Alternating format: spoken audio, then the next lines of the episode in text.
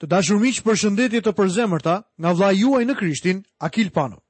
Ju uroj mirëseardhjen në emisionin e sotëm, emision në të cilin do të vazhdojmë studimin tonë nga fjala e Perëndisë, Bibla. Jam me vërtet i gëzuar dhe i lumtur në të njëjtën kohë që kemi privilegjin të studiojmë së bashku fjalën e Perëndisë së gjallë. Zoti Jezu Krisht tha: Njeriu nuk jeton vetëm nga buka, por nga çdo fjalë e folur nga goja e Perëndisë së gjallë. Dhe ndërsa dishepujt e tij kërkojnë që Zoti Jezus t'i mësojë ata se si të luten, dua të veçoj këtë aspekt në lutjen e Jezusit. Në lutjen e tij, Jezusi i mëson dishepujt se si t'i kërkojnë Perëndisë ushqimin e tyre të përditshëm në këtë mënyrë. Dhe bukën e përditshme na e jep sot. Zot, kjo është lutja ime. Ushqeji shpirtrat tanë. Ushqeji shpirtrat e të gjithë dëgjuesve përmes fjalës tënde të gjallë. Ti o Zot the që fjala jote është frymë dhe jetë. Lutem o Zot që ti të na mbushësh me këtë ushqim të mrekullueshëm shpirtëror. Na japësh kuptimin e fjalës tënde. Na japësh dritën e kësaj fjale në mënyrë që ndërsa ecim në këtë botë të errët, të kemi urtësinë tënde dhe të ecim me dinjitetin tënd. Miqtë e mi, sot do të ndalemi në librin e dytë të mbretërve dhe do të shohim mbretin Jehojakim i cili vdes dhe më pas do të mbretërojë Jehojakini. Do të lexojmë nga kapitulli 24 i këtij libri, nga vargu i 5 dhe i 6. Pjesa tjetër e bëmave të Jehojakimit dhe tërë atë që bëri, a nuk janë të shkruara në librin e Kronikave të Mbretërve të Judës? Kështu Jehojakimin e zuri gjumi me etërit e tij, dhe në vend të tij mbretëroi i biri, Jehojakini. Emri i të atit dhe birit është kaq i ngjashëm saqë është e lehtë t'i ngatërrosh. Lexojmë më poshtë në vargun e shtatë. Por mbreti i Egjiptit nuk doli më nga vendi i tij sepse mbreti i Babilonisë kishte shtënë në dorë tërë ato që ishin pronë e mbretit të Egjiptit nga përroi i Egjiptit deri në lumin Eufrat. Ky ishte vendi ekzakt që i kishte dhënë Perëndia Abrahamit dhe atyre që erdhën pas tij. Përse ndodhej Babilonia në vend të Izraelit në atë kohë? Lexojmë më poshtë vargun e tetë dhe të nëntë. Jehojakimi ishte tetëmbëdhjetë vjeç kur filloi të mbretërojë dhe mbretëroi tre muaj në Jeruzalem. E ëma quhej Nehushta, ishte e bija e Elnathanit nga Jeruzalemi. Ai bëri atë që ishte e keqe në sytë e Zotit në të gjitha, ashtu siç kishte vepruar dhe babai i tij. Kjo ishte arsyeja. Ata kishin vazhduar në mëkat dhe rebelim ndaj Zotit. Kini parasysh se Zoti ua kishte dhënë atyre zotërimin e vendit vetëm me një kusht, bindjen e tyre. A janë ata pronarë të vendit? Patjetër. Perëndia ua ka dhënë atyre vendin me anë të një beslidhje pa kushte. Por zotërimi ishte i kushtëzuar dhe ata dështuan në mbajtjen e këtyre kushteve. Le të shohim Jehojakinin, i cili do të zihet rob. Lexojmë në kapitullin e njëzet e katërt nga vargu dhjetë deri dymbëdhjetë. Në atë kohë shërbëtorët e Nebukadnezarit, mbretit të Babilonisë, u vërsulën kundër Jeruzalemit dhe qyteti mbeti i rrethuar. Nebukadnezari, mbreti i Babilonisë, arriti para qytetit ndërsa shërbëtorët e tij po e rrethonin. Atëherë Jehojakini, mbreti i Judës, i doli përpara mbretit të Babilonisë bashkë me nënën e tij, me shërbëtorët, me krerët dhe me eunukët e tij. Kështu mbreti i Babilonisë e bëri rob vitin e tetë të mbretërimit të tij. Mbreti Jehojakin zihet rob dhe të gjithë fisnikët u larguan në grupin e parë që u internua. Kjo ndodhi në vitin gjashtëqind e pesë para Krishtit. Lexojmë më poshtë nga vargu i trembëdhjetë deri në vargun e pesëmbëdhjetë. Pastaj ashtu siç e kishte thënë Zoti, mori që andej tërë thesaret e shtëpisë së Zotit dhe thesaret e pallatit mbretëror, i bëri copë copë të gjitha veglat prej ari që Solomoni, mbret i Izraelit, kishte bërë për tempullin e Zotit. Internoi pastaj tërë Jeruzalemin, tërë krerët, tërë njerëzit trima, gjithsej dhjetë mijë robër, si dhe të gjithë artizanët dhe farktarët. Mbetën vetëm njerëzit më të varfër të vendit. Kështu ai internoi Jehojakinin në Babiloni. Çoi gjithashtu në robëri nga Jeruzalemi në Babiloni nënën e mbretit, bashkëshortet e tija, eunukët dhe fisnikët e vendit. Kjo histori me të vërtetë na prezanton me një ngjarje shumë të trishtuar. Do të shohim më poshtë Sedekian, i cili bëhet mbret nga Nebukadnezari. Lexojmë vargjet shtatëmbëdhjetë deri nëntëmbëdhjetë. Në vendin e Jehojakinit, mbreti i Babilonisë bëri mbret Metaniahun, ungjin e tij, të cilit i ndërroi emrin në Sedekia. Sedekia ishte njëzet e një vjeç kur filloi të mbretërojë dhe mbajti fronin në Jeruzalem njëmbëdhjetë vjet. E ëma quhej Hamutal, ishte bija e Jeremias nga Libnahu. Ai bëri atë që ishte e keqe në sytë e Zotit në të gjitha, ashtu siç kishte vepruar Jehojakimi. Shohim që Sedekia ishte xhaxhai i Jehojakinit. Ai nuk e përmirësoi linjën e mbretërve. Ju ndoshta mund të mendoni se robëria ndoshta do ta bënte të kthjellohej këtë njeri, por në fakt nuk i bëri asgjë. Shqetësimi tek një individ mund të bëjë dy gjëra, ose ta zbusë, ose ta ngurtësojë. Ai ose mund të të çojë tek Perëndia, ose larg Tij. Ti nuk mund të jesh kurrë i njëjti pasi ke kaluar një përvojë shqetësimi dhe vuajtje. Dielli e zbut dyllin, por e ngurtëson baltën. I njëjti diell zbut njërin, por ngurtëson tjetrën. Kjo ndodhi në Jeruzalem dhe në Judë për shkak të zemërimit të Zotit, i cili në fund i dëboi nga prania e tij. Më vonë, Sedekia ngriti krye kundër mbretit të Babilonisë.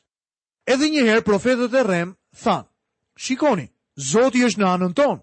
Por Zoti nuk ishte në anën e Izraelit, sepse Izraeli nuk ishte në anën e Zotit. Mendjemadhësia është diçka që shumë njerëz duhet ta kenë shumë kujdes. Kam dëgjuar njerëz të cilët thonë, Po e bëj këtë gjë sepse e di që ky është vullneti i Zotit, ai ma ka zbuluar. Pastaj ata shkojnë përpara, bëjnë gjithçka që kanë ndërmend të bëjnë dhe dështojnë. Perëndia nuk ishte fare në atë punë. Njoh disa misionarë që kanë shkuar në mision dhe janë kthyer duke thënë: "O, bëra gabim që shkova misionar." Por, u kam thënë, "Ti më the se ishe në vullnetin e Zotit dhe ke qenë i sigurt për këtë." Dhe përgjigja e tyre ka qenë, "Mendoja se isha." Do të ishte mirë që ne të mos mendonim kështu, por të siguroheshim kur flasim se Zoti është në krahun tonë. Në fakt, ne nuk duhet të sigurohemi që Zoti është në anën tonë, por që ne jemi në anën e tij. Ky ishte problemi i Judës. Ata ishin larguar nga Zoti, por mendonin se ishin njerëzit e Zotit dhe se ai do t'i mbronte patjetër.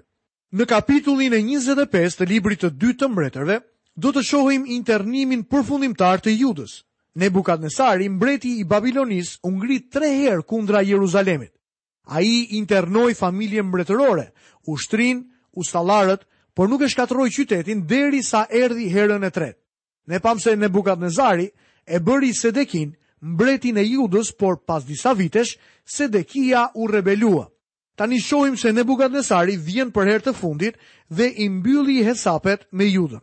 Lexojmë në vargun e parë dhe të dytë në kapitullin e njëzet e pesë të librit të dytë të mbretërve. Vitin e nëntë të mbretërisë së tij në muajin e dhjetë, më dhjetë të muajit, ndodhi që Nebukadnezari, mbreti i Babilonisë, erdhi me gjithë ushtrinë e tij kundër Jeruzalemit. Ngriti kampin e tij kundër tij dhe ndërtoi përreth vepra rrethojëse. Kështu qyteti mbeti i rrethuar deri në vitin e njëmbëdhjetë të mbretit Sedekia. Saktësia e datës tregon rëndësinë e madhe të këtij rrethimi. Ishte fillimi i fundit të Jeruzalemit. Lexojmë vargun e tretë. Ditën e nëntë të muajit të katërt, uria ishte aq e madhe në qytet sa që nuk kishte bukë për popullin e vendit. Intensiteti i vuajtjeve përshkruhet për ne tek libri i vajtimeve. Lexojmë më poshtë nga vargjet katër deri në vargun e gjashtë. Atëherë u hap një e çarë në muret e qytetit dhe tërë luftëtarët ikën natën nëpër rrugën e portës midis dy mureve që ndodhej pranë kopshtit të mbretit. Megjithëse kaldeasit ishin rreth qytetit. Kështu mbreti mori rrugën e Arabahut.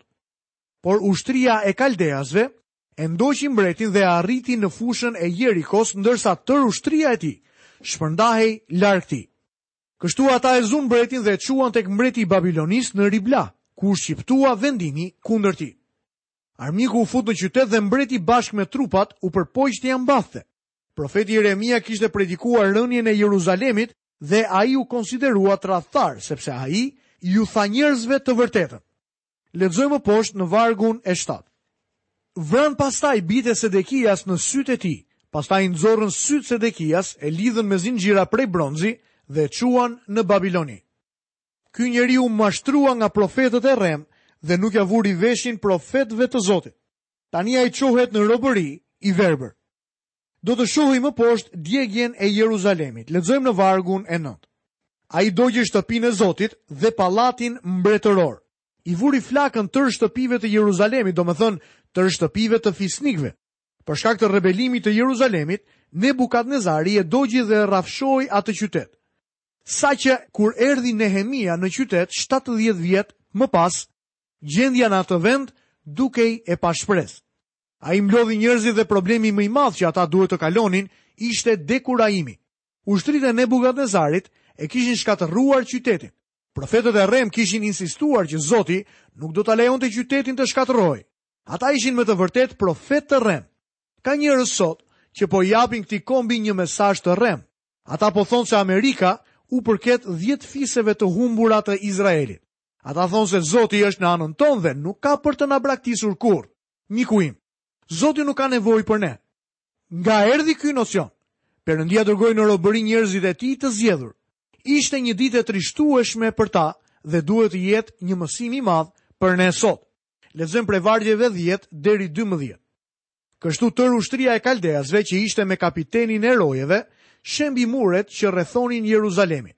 Pastaj Nebuzaradani, kapiteni i rojeve, internoi pjesën tjetër të popullit që kishte mbetur në qytet, dezertorët që ishin hedhur nga ana e mbretit të Babilonisë dhe ata që mbetën nga turma. Por kapiteni i rojeve la disa nga më të varfërit e vendit të merreshin me punimin e vreshtave dhe të arave. Shohim që ata lanë vetëm ata njerëz që nuk kishin vlerë. Ata donin që toka të vazhdonte prodhimin kështu që të mund të merrnin taksat nga ajo. Lexojmë prej vargjeve trembëdhjetë dhe katërmbëdhjetë.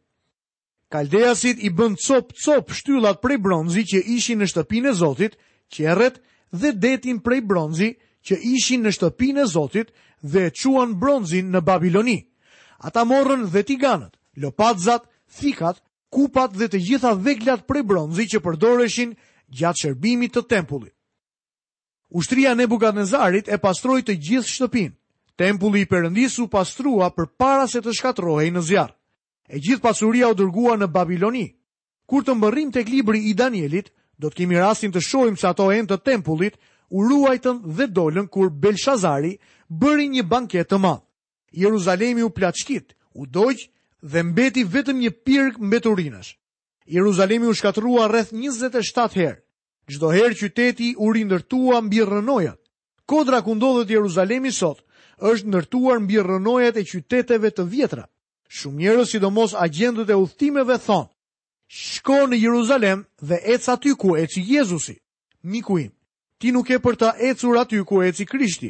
Qyteti ku jetoi dhe eci Jezusi është varrosur nën tonelata rrënojash.